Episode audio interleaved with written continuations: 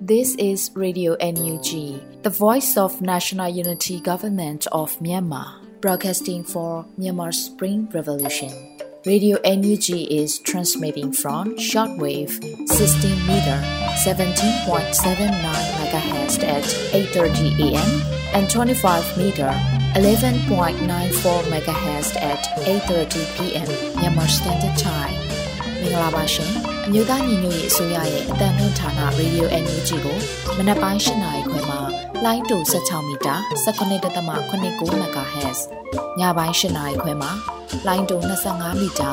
17.6 MHz တို့မှာဓာတ်ရိုက်ဖမ်းယူနိုင်စေနိုင်ပါရှင်။မင်္ဂလာအပေါင်းနဲ့ပြည့်စုံကြပါစေ။အခုချိန်ကစပြီး Radio NUG အစီအစဉ်လေးကိုဓာတ်ရိုက်အတန်လွှင့်ပေးနေပါပြီရှင်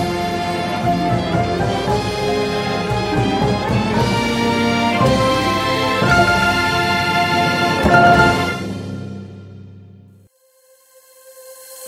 မြန်မာနိုင်ငံသူနိုင်ငံသားအပေါင်းတဘာဝဘေးဆရာနာရှင်ပေတို့ကနေကင်းဝေးပြီးကိုစိတ်နှစ်ပါးဘေးကင်းလုံခြုံကြပါစေလို့ရေဒီယိုအန်ယူဂျီဖွယ်သားများကဆုတောင်းမြတ်တာပို့သလိုက်ရပါတယ်ရှင်။အခုချိန်ကစပြီးကာကွယ်ရေးဝန်ကြီးဌာနရဲ့စီးရေးသတင်းချင်းချုပ်ကိုတော့ Sortes လူမီမှဖတ်ကြားတင်ပြပေးပါရမရှင်။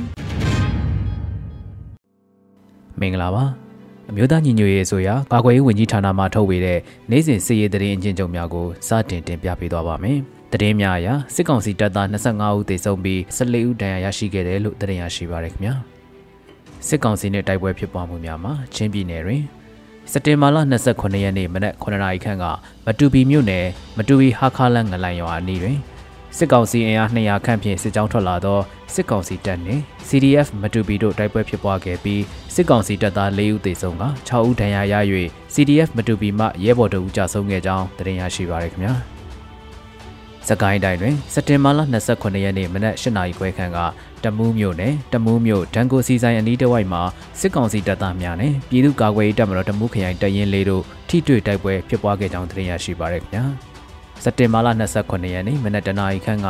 မြောင်မြို့နယ်ကြောက်ရည်ကျေးရွာမှစစ်ကောင်စီတပ်သားများဟာစင်မင်းစီကုန်းကျေးရွာအနီးသို့ဝင်ရောက်ခဲ့ပြီးဒေသခံကာကွယ်ရေးကင်းသမားများကပစ်ခတ်ရာစစ်ကောင်စီတပ်သား2ဦးအပြင်းထန်ဒဏ်ရာရရှိခဲ့ပါတယ်စစ်ကောင်စီတပ်သားများက စင်မင်းစီကုန်းကျေးရွာမှအိတ်နေသောပြည်သူများကိုဖမ်းဆီးခဲ့ပြီးဆိုင်ကယ်များကိုမိရှို့ဖျက်ဆီးကာကြောက်ရရဲစခန်းသို့ဝင်ရောက်သွားခဲ့ကြောင်းသတင်းရရှိပါရခင်ဗျာစက်တင်ဘာလ26ရက်နေ့ညနေပိုင်းကရမပင်မြို့နယ်ဗန့်ပွေကျေးရွာရွာမဖုန်ကြီးကျောင်းတွင်တပ်ဆွဲထားသောစစ်ကောင်စီတပ်ဖွဲ့နှင့်ပြည်စောတိစခန်းကို Golden Triangle Force GDF Infinite Revolution Force GDF တပ်ခွဲ1 Eagle Freedom Fighter GDF တပ်ခွဲ9စစ်ကြောမခံမွေစိုးတတိုက် GDF ခွဲ4 ရက်ခညီနောင် PDF GDF ခွဲနှင်းနှင့်ဒေသတွင်မှခြားသောမဟာမိတ်တပ်ပေါင်းစုများစုပေါင်း၍လက်နက်ကြီးလက်နက်ငယ်များဖြင့်အပြန်အလှန်ပစ်ခတ်ခဲ့ရာ45မိနစ်ကြာတိုက်ပွဲဖြစ်ပွားခဲ့ကြောင်းသတင်းရရှိပါရခင်ဗျာ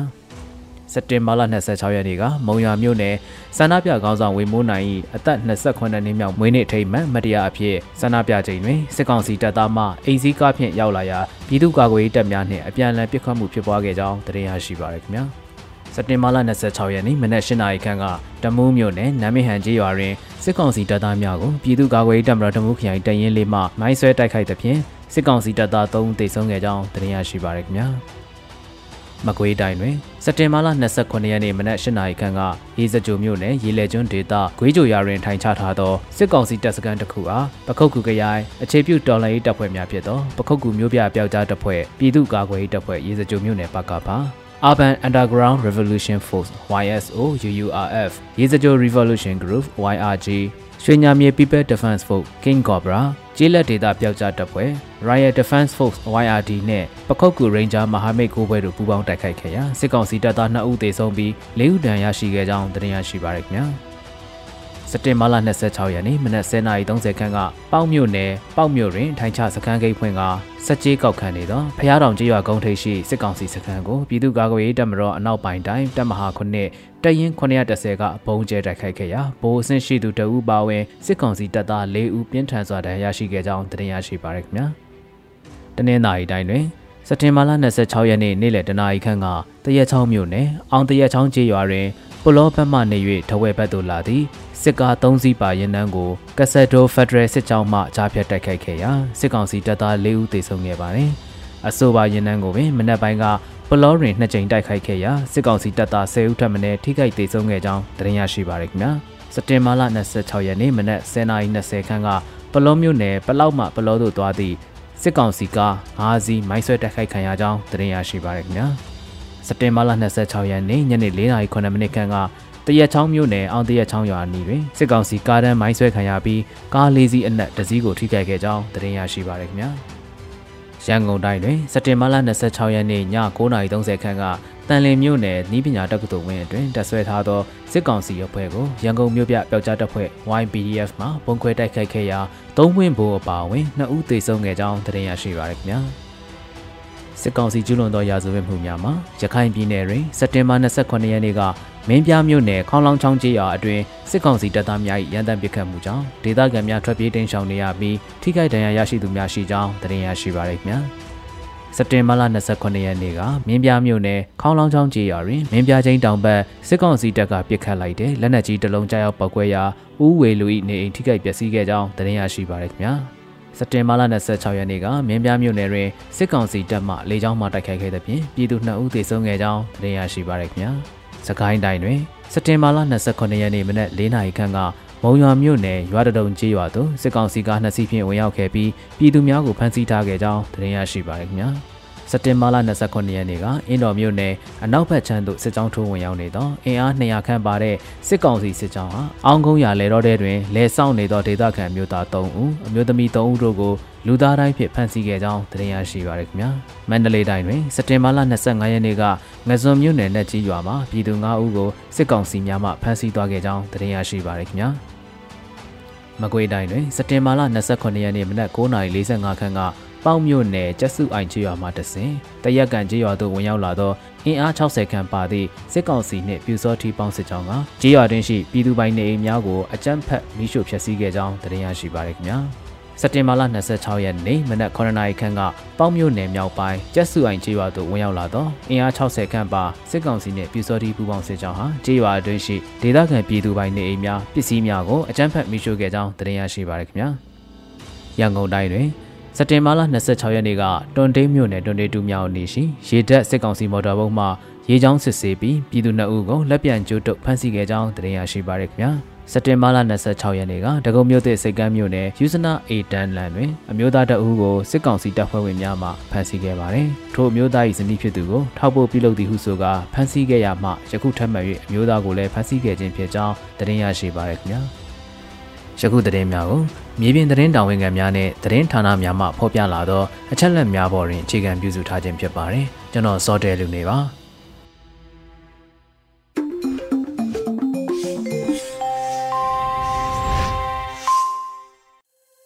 ရေဒီယိုညူချီမှာဆက်လက်တင်ပြနေပါတယ်။အခုဆက်လက်ပြီးနောက်ဆုံးရသတင်းများကိုအေရီမှဖတ်ကြားတင်ပြပေးပါရမရှင်။ မင်္ဂလာပါရှင်။အခုချိန်ကစပြီး Radio NUG မနက်ပိုင်းပြည်တွင်သတင်းတွေကိုတင်ပြပေးတော့မှာဖြစ်ပါတယ်။ကျွန်မကတော့ Airy ပါရှင်။ပထမဆုံးအနေနဲ့မကြခင်မှာပေါ်ပေါက်လာမဲ့စိုးမိုးထိန်ချုပ်နယ်မြေတွေမှာစီရီယန်တွေကိုအလုပ်ပေးဖို့ပြည်ထောင်စုဝန်ကြီးချုပ်မန်ဝင်းခိုင်တန်ပြောကြားလိုက်တဲ့သတင်းကိုတင်ပြပေးပါမယ်။စက်တင်ဘာလ29ရက်နေ့ကကျင်းပတဲ့မြို့သားညီညွတ်ရေးအစိုးရရဲ့69ကြိမ်မြောက်အစိုးရအဖွဲ့အစည်းအဝေးမှာပြည်ထောင်စုဝန်ကြီးချုပ်မန်ဝင်းခိုင်တန်းကမကြခင်မှာပေါ်ပေါက်လာမယ့်စိုးမိုးထိန်ချုပ်နယ်မြေတွေမှာ CDN ကိုအလုပ်ပေးဖို့ပြောကြားလိုက်ပါတယ်။ဝန်ကြီးချုပ်ရုံးကတာဝန်ယူထားတဲ့ဌာန10ခုတည်းကစိုက်ပျိုးရေးမွေးမြူရေးနဲ့ဆယ်မြောင်းဝန်ကြီးဌာနဆိုရင်လက်ရှိတော်လှန်ရေးရဲ့အခြေအနေအရတချို့သောစိုးမိုးထိန်ချုပ်နယ်မြေတွေနဲ့မကြခင်ကာလမှာပေါ်ပေါက်လာနိုင်မှုရှိတဲ့ပြည်내အစိုးရတွေရဲ့စီမံထိန်ချုပ်နယ်မြေတွေမှာစိုက်ပျိုးမွေးမြူရေးကဏ္ဍတစ်ခုမဖြစ်မနေလိုအပ်လာတော့မှာဖြစ်ပါတယ်။အဲဒီအတွက်လည်းကျွန်တော်တို့အနေနဲ့စိုက်ပျိုးရေးဌာနက CDN အနေနဲ့တွဲဆုံဆွေးနွေးပြီးသူတို့ရဲ့ကျွမ်းကျင်မှုအတွေ့အကြုံတွေကိုတော်လှန်ရေးရဲ့လိုအပ်ချက်နေရာတွေမှာဖြည့်ဆည်းနိုင်မှုအစီအစဉ်ဆောင်ရွက်နေတာရှိပါတယ်။ဒါကြောင့်နောက်ပိုင်းမှာပြည်내အစိုးရတွေပေါ်ပေါက်လာတဲ့အခါ စိုးမိုးထိန်ချုပ်နယ်မြေတွေများများရှိလာတဲ့အခါအစိုးရရဲ့အုပ်ချုပ်ရေးအင်အားကိုအကောင့်ထဲပေါ်နိုင်မှု CDN ရဲ့အင်အားတွေအများကြီးလိုအပ်လာမှာဖြစ်ပါတယ်လို့ဆိုပါတယ်။လက်ရှိမှာစကိုင်းတိုင်းနဲ့မကွေးတိုင်းက36မြို့နယ်ကိုစိုးမိုးထိန်ချုပ်ထားနိုင်ပြီဖြစ်ပြီးလမ်းမိုင်း85ရာခိုင်နှုန်းအထက်ကိုပြည်သူ့ကာကွယ်ရေးတပ်ဖွဲ့တွေကထိန်ချုပ်ထားနိုင်ပြီပဲဖြစ်ပါတယ်ရှင်။ဆက်လက်ပြီးတော်လိုင်းရေးအောင်မြင်စေရေးအတွက်မြို့နယ်တွေရဲ့ဆောင်ရွက်ချက်တွေဟာများစွာအရှိပါပါတယ်လို့ပြည်ထောင်စုဝန်ကြီးကဆိုလိုက်တဲ့သတင်းကိုတင်ပြပေးပါမယ်။ တော်လှန်ရေးအောင်မြင်စေဖို့အတွက်မြို့နယ်တွေရဲ့ဆောင်ရွက်ချက်တွေဟာများစွာအရေးပါတယ်လို့ပြည်ထောင်ဝင်ကြီးဦးလွင်ကိုလက်က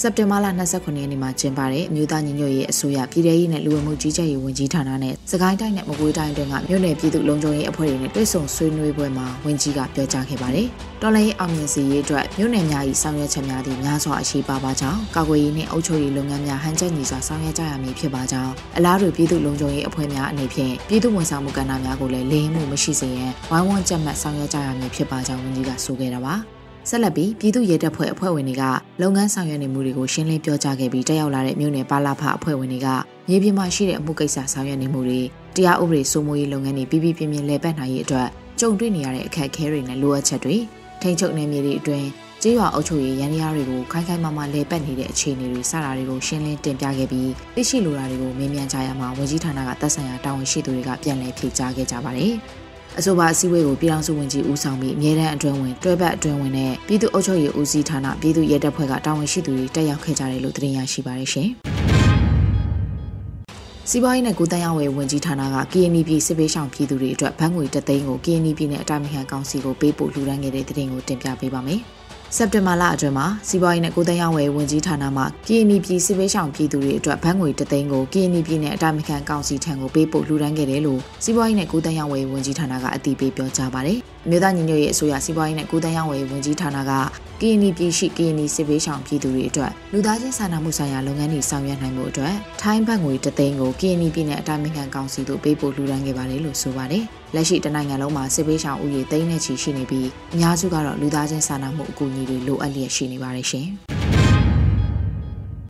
အခုတခါအသွင်ကူးပြောင်းရေးကာလဖွဲ့စည်းပုံအခြေခံဥပဒေတရပေါ်ပေါက်လာရေးအတွက်ပြင်ဆင်နေပြီလို့အမျိုးသားဒီမိုကရေစီအဖွဲ့ချုပ်ပါတီအသိပေးလိုက်တဲ့သတင်းကိုတင်ပြပေးပါမယ်။စက်တင်ဘာလ29ရက်နေ့မှာအမျိုးသားဒီမိုကရေစီအဖွဲ့ချုပ်ဗဟိုအလုပ်ကော်မတီရဲ့ထုတ်ပြန်ဖော်ပြချက်အရအသွင်ကူးပြောင်းရေးကာလဖွဲ့စည်းပုံအခြေခံဥပဒေတရက်ပေါ်ပေါက်လာရေးအတွက်ပြင်ဆင်နေပြီလို့သိရှိရပါတယ်။ အမျိုးသားဒီမိုကရေစီအဖွဲ့ချုပ်ဟာအနာဂတ်ဖက်ဒရယ်ဒီမိုကရေစီပြည်ထောင်စုတည်ဆောက်ရေးမှာအရေးကြီးဆုံးသောပေါင်းကူလုပ်ငန်းစဉ်တစ်ရပ်ဖြစ်တဲ့အသွင်ကူးပြောင်းရေးကာလဖွဲ့စည်းပုံအခြေခံဥပဒေတရက်ပေါ်ပေါက်လာရေးအတွက်ပြင်ဆင်လျက်ရှိရမှာအဆိုပါလုပ်ငန်းစဉ်တွေဖော်ဆောင်ရမှာ2019ခုနှစ်အောက်တိုဘာလ28ရက်နေ့မှာအဖွဲ့ချုပ်ဥက္ကဋ္ဌဒေါအောင်ဆန်းစုကြည်ကြေညာခဲ့တဲ့ Federal အခြေခံမှု6ချက်ကိုလက်ညွှန်ချက်အဖြစ်ခံယူပြီး Federal Democracy အရေးကိုရှေ့ရှုသောမိဖက်အဖွဲ့အစည်းတွေနဲ့တိုင်းရင်းသားနိုင်ငံရေးအင်အားစုအသီးသီးကထုတ်ပြန်ကြေညာထားတဲ့မူဝါဒကြေညာစာတမ်းတွေအားလုံးကိုလည်းအလေးနက်ထားပေါင်းဆက်စဉ်းစားပြီးရင်းတို့ရဲ့သဘောထားတွေကိုပါရယူညှိနှိုင်းပူးပေါင်းဆောင်ရွက်သွားမှာဖြစ်တယ်လို့အသိပေးကြေညာထားပါတယ်။ ဒါအပြင်အမျိုးသားဒီမိုကရေစီအဖွဲ့ချုပ်အနေနဲ့မြန်မာနိုင်ငံမှာပြည်သူ့ဆန္ဒနဲ့အညီစစ်မှန်သောဒီမိုကရေစီစနစ်အောက်မှာကျင်းပမဲ့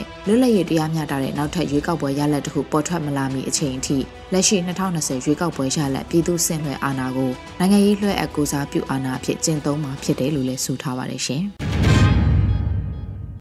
ဆက်လက်ပြီးကချင်ပြည်နယ်မိုးကောင်းမြို့နယ်စားမော်ကြီးရွာရဲ့အမျိုးသားဒီမိုကရေစီအဖွဲ့ချုပ် NLD ပါတီဥက္ကဋ္ဌဖြစ်သူကို PDF တွေကိုထောက်ပံ့တယ်လို့ဆွဆွဲပြီးဖမ်းဆီးလိုက်တဲ့တဲ့တင်ကိုတင်ပြပေးပါမယ်။ကချင်ပြည်နယ်မိုးကောင်းမြို့နယ်စားမော်ကြီးရွာရဲ့အမျိုးသားဒီမိုကရေစီအဖွဲ့ချုပ် NLD ပါတီဥက္ကဋ္ဌဖြစ်သူဦးအောင်ထေဦးကို PDF တွေကိုထောက်ပံ့နေလို့ဆွဆွဲပြီးစက်တင်ဘာလ25ရက်နေ့နေ့လယ်2နာရီခန့်အချိန်မှာစစ်သားနဲ့ရဲတွေကလာရောက်ဖမ်းဆီးခေါ်ဆောင်သွားတယ်လို့ AAPP ကဖော်ပြပါတယ်။ ဦးအောင်ထေဦးကိုပြည်သူ့ကာကွယ်ရေးတပ်ဖွဲ့ PDF တွေကိုထောက်ပံ့ခြင်းနဲ့ဖောက်ခွဲရေးမှာပါဝင်ပတ်သက်ခြင်းတို့ပြုလုပ်တယ်လို့ဆွဆွဲပြီးဖမ်းဆီးခဲ့တာဖြစ်ပါတယ်။2021ခုနှစ်အာဏာသိမ်းချိန်ကစလို့2022ခုနှစ်စက်တင်ဘာလ29ရက်နေ့အထိဖမ်းဆီးချုံနှောင်ထားခြင်းခံရသူစုစုပေါင်း12519ဦးရှိပြီဖြစ်ပြီး၎င်းတို့အနက်ကမှ1492ဦးကတော့ထောင်ဒဏ်ချမှတ်ထားခြင်းခံရပါတယ်ရှင်။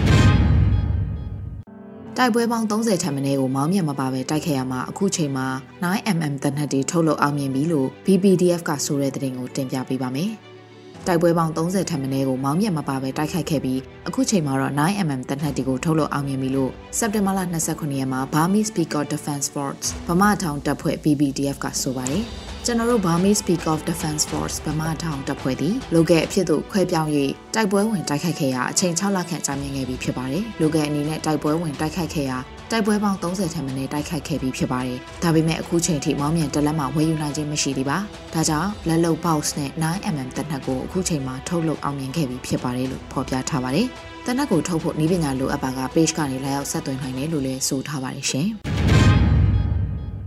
နေပြည်တော်ပြည်သူ့ကာကွယ်ရေးအဖွဲ့ပကဖမှစမ်းသပ်ထုတ်လို့အောင်မြင်တဲ့တိုင်မိုင်းဆွဲမိုင်းနေမိုင်းတွေကိုလိုအပ်နေတဲ့တော်လှန်ရေးအင်အားစုတွေထံဖြန့်ဝေပေးသွားမယ်ဆိုတဲ့အကြောင်းအရာကိုလည်းတင်ပြပေးပါမယ်။စက်တင်ဘာလ29ရက်နေ့မှာနေပြည်တော်ပြည်သူ့ကာကွယ်ရေးအဖွဲ့ပကဖရဲ့အတိပေးထုတ်ပြန်ချက်အရနေပြည်တော်ပြည်သူ့ကာကွယ်ရေးအဖွဲ့ပကဖမှစံသက်ထုတ်လုပ်အောင်မြင်ထားတဲ့တိုင်မိုင်းဆွဲမိုင်းနဲ့နေမိုင်းတွေကိုလိုအပ်နေတဲ့တော်လှန်ရေးအင်အားစုတွေထံဖြန့်ဝေပေးသွားမယ်လို့သိရှိရပါတယ်။နေပြည်တော်ပြည်သူ့ကာကွယ်ရေးအဖွဲ့ပကဖမှရှေ့တန်းစစ်မြေပြင်သုံး တိုင်မိုင်းဆွဲမိုင်းနဲ့နေမိုင်းများစမ်းသပ်ထုတ်လုပ်မှုအောင်မြင်ခဲ့ပါတယ်။လိုအပ်နေတဲ့ဒေါ်လာရင်းအင်အားစုများထံပြန်လည်ဖြန့်ဝေပေးသွားပါမယ်လို့နေပြည်တော်ပြည်သူ့ကာကွယ်ရေးအဖွဲ့ပကဖကဆိုပါတယ်။ပြီးခဲ့တဲ့လကလည်းလက်နက်ကြီးတွေကိုနေပြည်တော်ပကဖကထုတ်လုပ်အောင်မြင်ခဲ့ပါသေးတယ်ရှင်။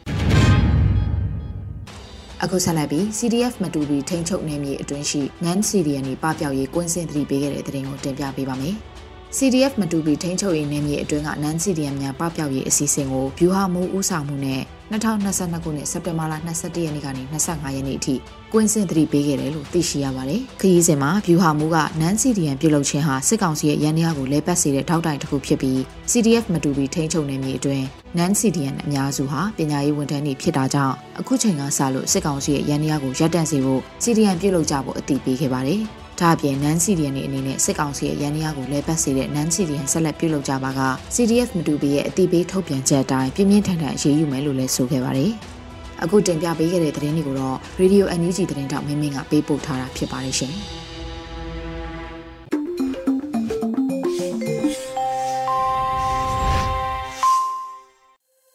ဗီဒီယိုမြူးချီပရိသတ်များရှင်အခုချိန်ကစပြီးကာကွယ်ရေးဝန်ကြီးဌာနဒုဝန်ကြီးနိုင်ကောင်းရွက်ရဲ့ PDF ရဲဘော်များတို့ပြောကြားချက်အပိုင်းလေးကို နားဆင်ကြရတော့မှာဖြစ်ပါတယ်ရှင်။ရဲဘော်တို့ကျမဒုက္ခနဲ့ပြေဝပြီးမင်္ဂလာပါလို့နှုတ်ခွန်းဆက်တာပါတယ်။အကြမ်းဖက်စစ်ကောင်စီဟာ2021ခုနှစ်ဖေဖော်ဝါရီတရက်နေ့မှာတိုက်ပြည်အချုပ်ချာအာဏာကိုသိမ်းယူလိုက်ခြင်းကြောင့်စတင်လာတဲ့ပြည်သူတော်လှန်ရေးကြီးနှုတ်တော်လှန်ရေးဟာတစ်နှစ်ကျော်ခဲ့ပါပြီ။2021 မေလ9ရက်နေ့မှာပြည်သူ့တပ်မတော်ကိုအမျိုးသားညီညွတ်ရေးဆိုရကာကွယ်ရေးဝန်ကြီးဌာနကမေးဖွားပေးခဲ့ပါတယ်အမျိုးသားညီညွတ်ရေးဆိုရယာယီတမရဒူဝါလာရှိလာကအကြမ်းမဲ့စစ်ကောင်စီကိုဒီဒီတိုက်ပွဲခေါ်တာကျင်ညာခဲ့ဒီမှာလဲတနစ်တင်းတင်းပြည့်ခဲ့ပြီရဲဘော်တို့ပြည်သူကာကွယ်ရေးတပ်မတော်ဟာပြည်သူတို့ရဲ့အသက်အိုးအိမ်စီးစိမ်ကိုကာကွယ်ဖို့အဓိကတာဝန်ဖြစ်ပါတယ် ဒီလိုကာကွယ်နိုင်အောင်ရဲဘော်တို့ရဲ့စုပွဲမှုထိန်းချုပ်မှုအားကောင်းသောအမိတ်ပေးပုတ်ကဲမှုအောက်မှာအမိတ်နာခံမှုစီကံတေဝမှုနဲ့တိုက်စွမ်းရည်မြင့်မာတဲ့ကိမီနီးပညာစစ်ပွဲနဲ့ပြည်သူစစ်မဟာဗျူဟာကိုကြည်သုံးပြီးကျေးလက်ကူအခြေခံမြို့ကိုပောက်ဝိုင်းပြီးတရားသောစစ်ကိုဆင်နွှဲသွားရမယ်။မန္တန်ကြီး၃ရပ်ဖြစ်တဲ့ဥပဒေပြုရေးအုပ်ချုပ်ရေးနဲ့တရားစီရင်ရေးဆိုတဲ့ အာဏာ၃ရပ်ကိုစိုက်ထူပြီးအမျိုးသားညီညွတ်အစိုးရကိုတိဆောက်ပြီးကာကွယ်သွားရပါမယ်။ရဲဘော်တို့နောက်ဆုံးမှာကျွန်တော်တို့မြန်မာနဲ့ဖက်ဒရယ်ပြည်ထောင်စုကြီးနဲ့ဖက်ဒရယ်တပ်မတော်ပေါ်ပေါက်လာရေးအတွက်ခိုင်မာသောစိတ်ဓာတ်ဖြင့်အကြမ်းဖက်စစ်ကောင်စီကိုအမြင့်ဖြတ်ချေမှုန်းပြီးတရားသောစစ်ကိုအောင်တည်သည့်တိုက်ပွဲဝင်သွားကြပါစို့လို့တိုက်တွန်းနှိုးဆော်လိုက်ရပါသည်ပြည်သူအရေးတော်ကိုမှုတ်ချအောင်ရမယ်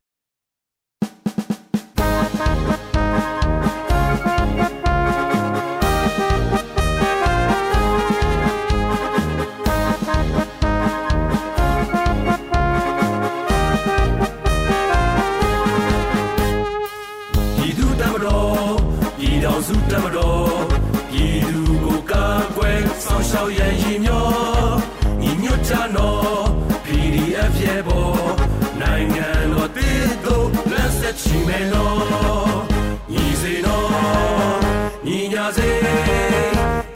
ပြ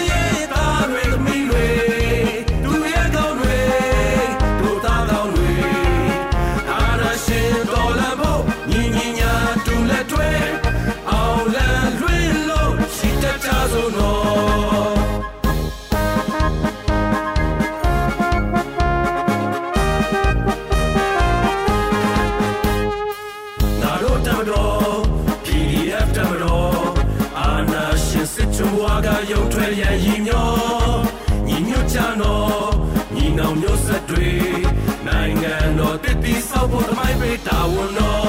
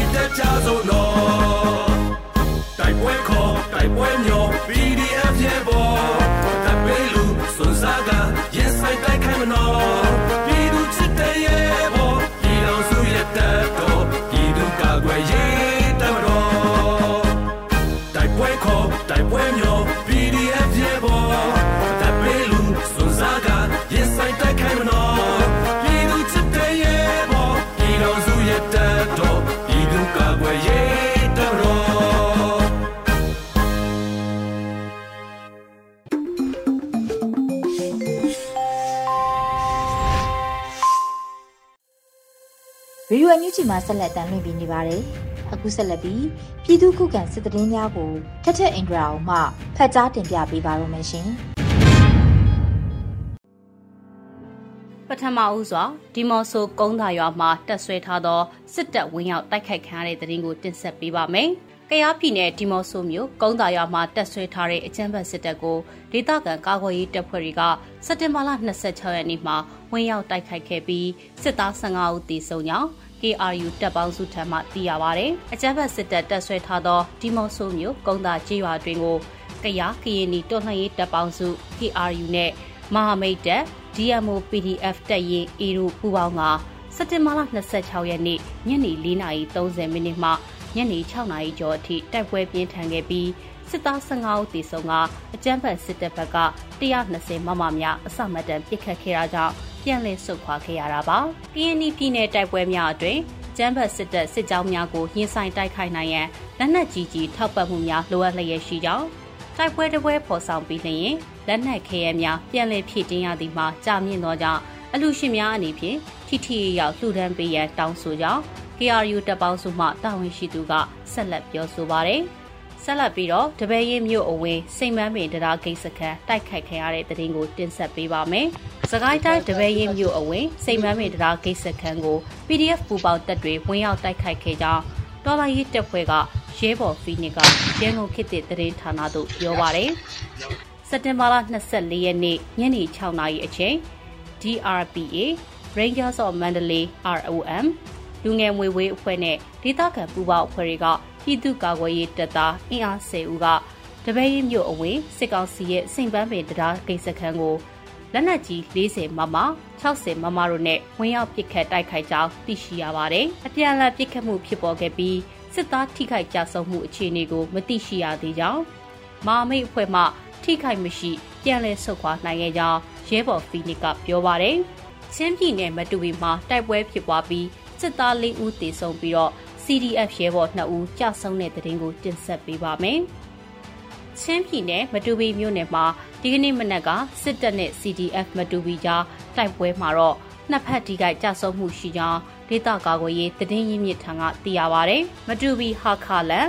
ခရိုင်အိုးအိမ်ဦးစီးဌာနအနီးယနေ့မနက်9နာရီခွဲခန့်အချိန်မှာတိုက်ပွဲဖြစ်ပွားပြီးတော့အကြမ်းဖက်စစ်တပ်ဘက်က၄ဦးသေဆုံးကအများအပြားထိခိုက်ဒဏ်ရာရရှိပြီး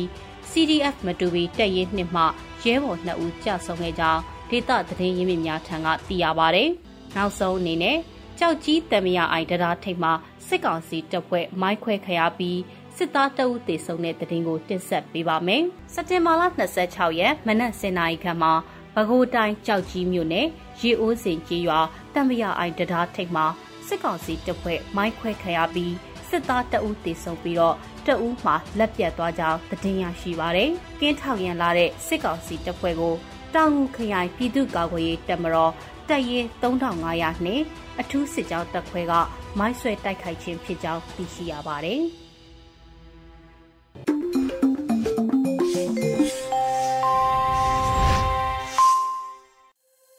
ရေဒီယိုညူချီမှာဆက်လက်တင်ပြနေပါတယ်။အခုဆက်လက်ပြီး PPTV ရဲ့နေ့စဉ်သတင်းများကိုထက်ထက်အင်ဒရာအောင်မှဖတ်ကြားတင်ပြပေးပါရမရှင်။အခုချိန်ကစပြီး PPTV သတင်းတွေကိုတင်ဆက်ပေးတော့မှာပါ။ကျွန်မထက်ထက်အင်ဒရာအောင်ပါ။ပထမဆုံးတင်ဆက်ပေးမှာကတော့အမျိုးသားညီညွတ်ရေးအစိုးရ69ကြိမ်မြောက်အစိုးရအဖွဲ့အစည်းအဝေးပြုလုပ်တဲ့ဆိုတဲ့သတင်းမှာ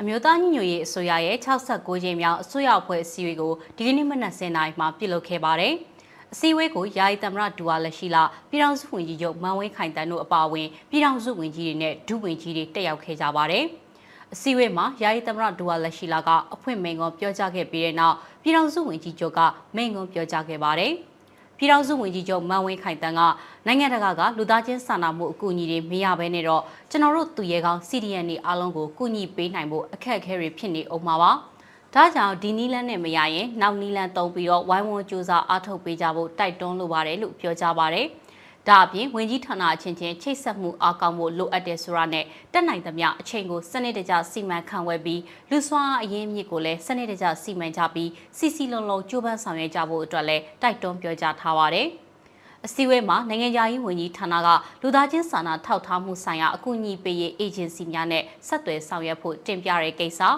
စီမံကိန်းဗဏ္ဍာရေးနဲ့ရင်းနှီးမြှုပ်နှံမှုဝန်ကြီးဌာနက NUG Pay Pilot Project ကိစ္စတင်ပြဆွေးနွေးမှုတွေပြုလုပ်ခဲ့ပါတယ်။အဲဒီနောက်ပြည်တော်စုဝေကြီးချုပ်ကတင်ပြလာတာတွေကိုပြန်လည်ရှင်းလင်းဆွေးနွေးပြီးယာယီသမရကဏီကုံချုပ်အမှားစကားပြောကြားကအစည်းအဝေးကိုရုပ်သိမ်းခဲ့ပါတယ်။ဆလတ်တင်ဆက်ပေးမှာကတော့မီဇိုရမ်ပြည်နယ်မှာမြန်မာနိုင်ငံကစစ်ဘေးရှောင်ပြည်သူ4000ကျော်ခုနှုံနေရတယ်ဆိုတဲ့သတင်းမှာ အိန္ဒိယမြန်မာနယ်စပ်ကအိန္ဒိယနိုင်ငံမီဇိုရမ်ပြည်နယ်အတွင်းမှာမြန်မာနိုင်ငံကစစ်ဘေးရှောင်ပြည်သူ4000ကျော်အထိခုလုံနေရတယ်လို့မီဇိုရမ်ပြည်နယ်လွှတ်တော်အမတ်ကေဗန်လာဗီနာကပြောကြားထားပါတယ်။ ကေဗန်လာဗီနာကမီဇိုရမ်ပြည်နယ်အတွင်းမှာမြန်မာနိုင်ငံသားစစ်ဘေးရှောင်နေနေထိုင်တဲ့ဒုက္ခသည်စခန်းမှာ60ဝန်းကျင်ရှိပြီးတော့ဒုက္ခသည်အရေအတွက်က3000နီးပါးအထိကိုစည်ရင်းကောက်ယူထားပြီးစည်ရင်းကောက်ယူဖို့ကြန့်ရှိတဲ့သူတွေနဲ့တွက်မယ်ဆိုရင်ဒုက္ခသည်ဦးရေဟာ4000ကျော်ရှိတယ်လို့ The Hindu သတင်းဌာနကိုပြောကြားထားတာပါ။မြမဒုက္ခတဲ့အရေးနဲ့ပတ်သက်ပြီးတော့မီဇိုရမ်ပြည်နယ်ဝန်ကြီးချုပ်ကအိန္ဒိယနိုင်ငံဝန်ကြီးချုပ်ဖြစ်သူနရန်ဒရာမိုဒီနဲ့စက်တင်ဘာလ14ရက်ကတွေ့ဆုံဆွေးနွေးမှုတွေပြုလုပ်ခဲ့ပါတယ်။ မီဇိုရမ်ပြည်နယ်အစိုးရကတော့ဒုက္ခသည်တွေကိုအခြေခံလိုအပ်တဲ့ထောက်ပံ့ကူညီမှုတွေပြုလုပ်ပေးမယ်လို့ပြောကြားထားပြီးအလုံးလုံးခွင့်ကိုတော့တားမြစ်ထားတယ်လို့ဆိုပါတယ်။ဒါအပြင်မီဇိုရမ်ပြည်နယ်အစိုးရကစက်တင်ဘာလ18ရက်မှာမြန်မာဒုက္ခသည်တွေကိုမြေယာဝယ်ယူတာနဲ့စီးပွားရေးလုပ်ငန်းတွေလုပ်ကိုင်ခွင့်ကိုပိတ်ပင်တဲ့ညွှန်ကြားချက်ထုတ်ပြန်ထားပါသေးတယ်။ပြည်내အစိုးရကဒုက္ခသည်တွေကိုတားမြစ်ချက်၄ချက်ထုတ်ပြန်ထားပြီးအဲ့ဒါတွေကတော့မြေယာဝယ်ယူခွင့်စီးပွားရေးလုပ်ငန်းတွေလုပ်ကိုင်ခွင့်ကုန်စည်တင်သွင်းရောင်းချခွင့် ရင်မောင်းခွင့်နဲ့မဲပေးခွင့်လက်မှတ်လျှောက်ထားတာတွေဖြစ်ပါတယ်ကျေးဇူးတင်ပါတယ်ရှင်ဒီကနေ့ကတော့ဒီညနဲ့ပဲ Radio NUG ရဲ့အစီအစဉ်လေးကိုခਿੱတရနာလိုက်ပါမယ်ရှင်မြန်မာစံတော်ချိန်မနက်၈နာရီခွဲနဲ့ည၈နာရီခွဲအချိန်တွေမှာပြန်လည်ဆုံတွေ့ကြပါစို့ Radio NUG ကိုမနက်ပိုင်း၈နာရီခွဲမှာလိုင်းတူ16မီတာ19.89 MHz ညပိုင်း၈နာရီခွဲမှာလိုင်းတူ25မီတာ17.6 MHz တို့မှာ ဓာတ်ရိုက်ဖမ်းလို့နိုင်စေနိုင်ပါပြီ။မြန်မာနိုင်ငံသူနိုင်ငံသားတွေကိုစိတ်နှပြစမ်းမချမ်းသာလို့ဘေးကင်းလုံခြုံကြပါစေလို့ Radio NUG အဖွဲ့သူဖွဲ့သားတွေကဆုတောင်းမြတ်တာပို့တာလိုက်ရပါတယ်ရှင်။အမျိုးသားညီညွတ်ရေးအစိုးရရဲ့စက်သွေးရေးသတင်းအချက်အလက်နဲ့လူပညာဝန်ကြီးဌာနကထုတ်လွှင့်နေတဲ့ Radio NUG ဖြစ်ပါတယ်။ San Francisco Bay Area အခြေစိုက်မြန်မာမိသားစုတွေနဲ့နိုင်ငံတကာကစေတနာရှင်လို့အားပေးနေတဲ့ Radio NUG ဖြစ်ပါတယ်။အရေးတော်ပုံအောင်ရမည်